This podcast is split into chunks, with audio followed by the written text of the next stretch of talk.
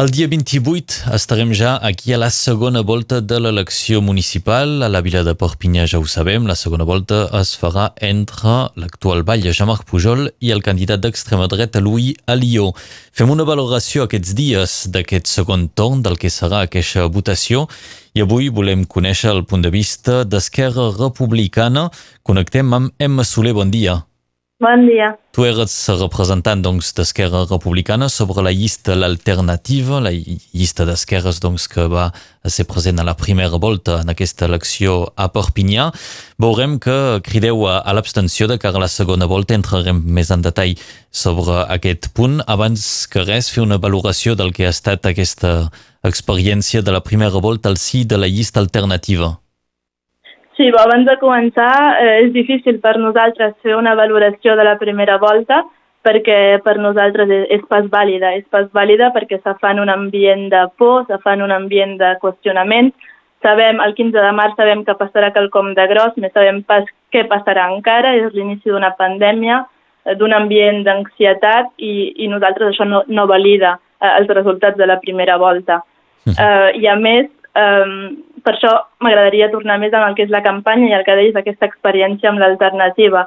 I aquí sí que és positiva la valoració perquè el projecte de l'alternativa és un projecte de transformació que per nosaltres respon a un menester a la vila de Perpinyà que potser ha pas florit com ens hagués agradat que floreixi, però també totes les coses noves um, necessiten un temps d'adaptació, és un pas endavant més que fet a la vila de Perpinyà i que al final també és esperançador. Eh, hem de parlar també dels resultats de la primera volta, tot i que per nosaltres, repeteixi, són pas eh, vàlids. Hi ha resultats eh, que fan un poc por de l'extrema dreta i, i de la llista del Pujol, de, de la dreta, eh, que tenim ganes de creure que són, eh, que són una mica fruit de la poca participació i d'aquest ambient de por que sempre els hi va bé. Mm. Més enllà del resultat, eh, quina valoració es fa del que l'alternativa ha portat en el debat d'aquesta elecció? Crec que era una cosa, és una cosa molt nova que mai s'havia vist a, a Perpinyà. És un projecte de transformació, però sobretot és un projecte eh, democràtic. És a dir, que és la primera vegada que a Perpinyà, eh, a la vila de Perpinyà, se presenta un projecte de la societat civil de veritat, on les decisions s'aprenien en assemblea, doncs és una dinàmica nova i crec que això, eh, malgrat i més enllà dels resultats, eh, aporta una, innova, una innovació, quelcom de nou i un aire fresc eh, en la política a Perpinyà i més enllà. Mm.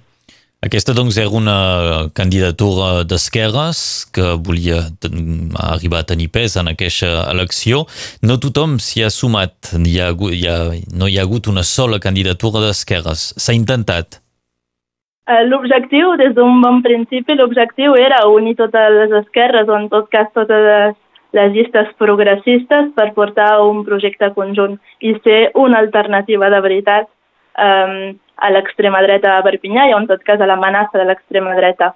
Aquestes eh, negociacions s'han pas volgut tenir per part de, de la llista portada per la Longevina abans de la primera volta i amb els resultats de la primera volta a les mans tampoc s'ha volgut, en tot cas s'ha tingut la valentia i el coratge eh, per tirar endavant una possible o hipotètica eh, fusó i coalició de diferentistes amb dones al capdavant. Uh mhm. -huh. eh, això nosaltres ens, ens en penedim un poc. Sí, de fet, en un comunicat teniu paraules més aviat dures, eh? De cara a Agnès Langevina, eh, parleu eh, d'una fugida covarda de la cap de llista d'aquesta candidatura, eh, dinamitant l'intent d'una unió d'esquerres amb possibilitat doncs, d'èxit a la segona volta. Creiem realment que era l'alternativa que podíem aportar a Perpinyà. L'alternativa era aquesta, era factible, teníem tot, eh, totes les eines per fer-ho possible, però ha faltat, ha faltat valentia i coratge. Ara, doncs, ja sabem quin és el resultat de la primera volta. Tenim dos candidats, doncs, Agnès Langevin i Romain Grau, que han decidit eh, retirar-se i, doncs, serà un duel per el dia 28, eh, l'actual Batlle contra Louis Alió.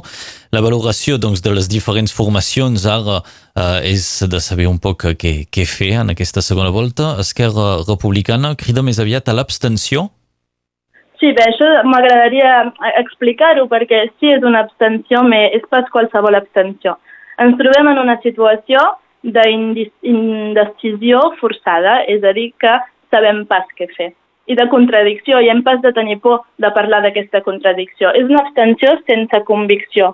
Però també vull remarcar que, que és pas una banalització de l'extrema dreta. I, I amb això dir que sóc conscient que el comunicat d'Esquerra és dur, però també és malinterpretable, perquè posem pas en el mateix sac eh, el feixisme de la Lió, el feixisme del el Rassemblement Nacional, amb eh, la dreta de, de Pujol, tot i ser un poc rància des del nostre punt de vista, o en tot cas el meu. Estem conscients que l'amenaça de l'extrema dreta és gran i és, és present, sabem el que suposa, però també creiem profundament que ho combatrem pas a les urnes eh, votant amb por. Això es combat als carrers i votant amb convicció en projectes de futur i de transformació. Mm -hmm. És a dir, que el dia 28, a banda dels missatges que es puguin fer passar durant aquesta jornada, el dia 28 no és un dia de lluitar contra l'extrema dreta, és a dir, no és a través del vot que es lluitarà contra l'extrema dreta? votem cada, eh, lluitem cada dia contra l'extrema dreta i ho hem de fer a tot arreu.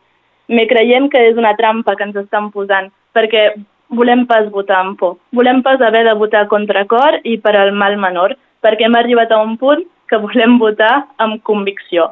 I, evidentment, estem en una situació on tenim una llista, um, una amenaça clara de l'extrema dreta, i de l'altre costat, evidentment, és pas el mateix, però tenim una llista en la qual nosaltres podem pas confiar com a gent d'esquerres, com a independentistes, com a feministes, ecologistes i, i catalanistes, podem pas eh, ara, avui, eh, fer confiança i en tot cas eh, votar eh, amb convicció, perquè és el que nosaltres volem, és votar amb convicció i fer política positiva, podem pas donar el nostre suport a la llista del Pujol. I ens agradaria, i en tot cas, aplaudirem tot allò que es faci en clau eh, dels nostres ideals, eh, feminista, catalanista, ecologista. Més ara ens trobem dins d'aquesta indecisió i podem pas, podem pas, doncs eh, ens, ens situem automàticament en, eh, en l'abstenció. Donc si el dia 28 molta gent votarà en un clima d'urgència, de, de, de lluita, de, de, de fer bagatge eh, contra l'extrema dreta, se'n parla molt, algunes formacions eh, polítiques doncs, han, han tingut debat. Ha estat el cas també al si de la llista l'alternativa. Esquerra Republicana heu donat el vostre punt de vista. Uh, quin és, diríem, el, de la llista l'alternativa? Uh, la llista de l'alternativa sí que es posiciona eh, i té un posicionament diferent, o en tot cas té matís matisos diferents al de al d'Esquerra Republicana, perquè l'alternativa crida eh, a votar contra, sense donar consigna de vot, votar contra eh, el Front Nacional. I sí. nosaltres també ho farem. Nosaltres ho, també ho farem, també votarem contra el racisme, també votarem contra l'exclusió, però eh, potser ho farem d'una altra manera. Ho farem votant, doncs tampoc cridem, vull, cridem a l'abstenció, al vot nul o al vot blanc, però nosaltres no podem cridar a votar Pujol avui perquè volem votar amb convicció i ho repeteixi.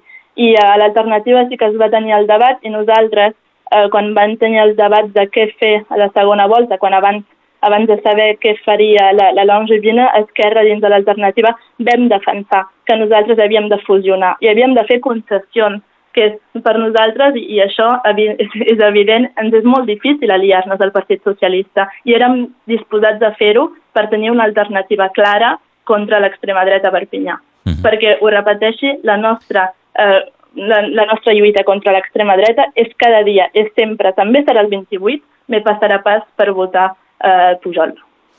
I finalment, abans d'acabar, potser adrecem-nos en aquest electorat d'esquerres de Perpinyà que deus estar força desanimat eh, veient el que haurà de votar o no el dia 28. Eh, la teua experiència, Massoler, com a representant d'Esquerra Republicana al si de l'alternativa, eh, te fa pensar que hi ha un terreny fèrtil per una nova esquerres, una esquerra diferent, com ha estat aquesta candidatura a, a la vila de Perpinyà?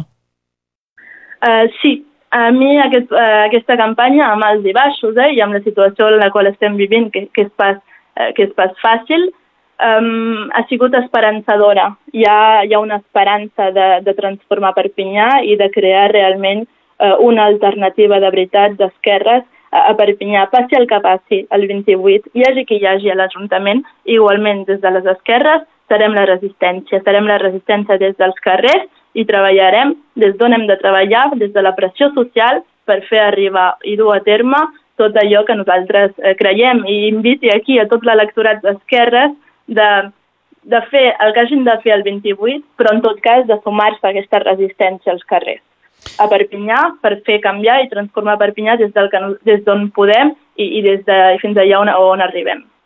Doncs és amb aquest missatge que ens deixarem. Parlàvem avui amb la qui representava Esquerra Republicana en aquesta llista l'alternativa present a la primera volta de l'elecció municipal a Perpinyà.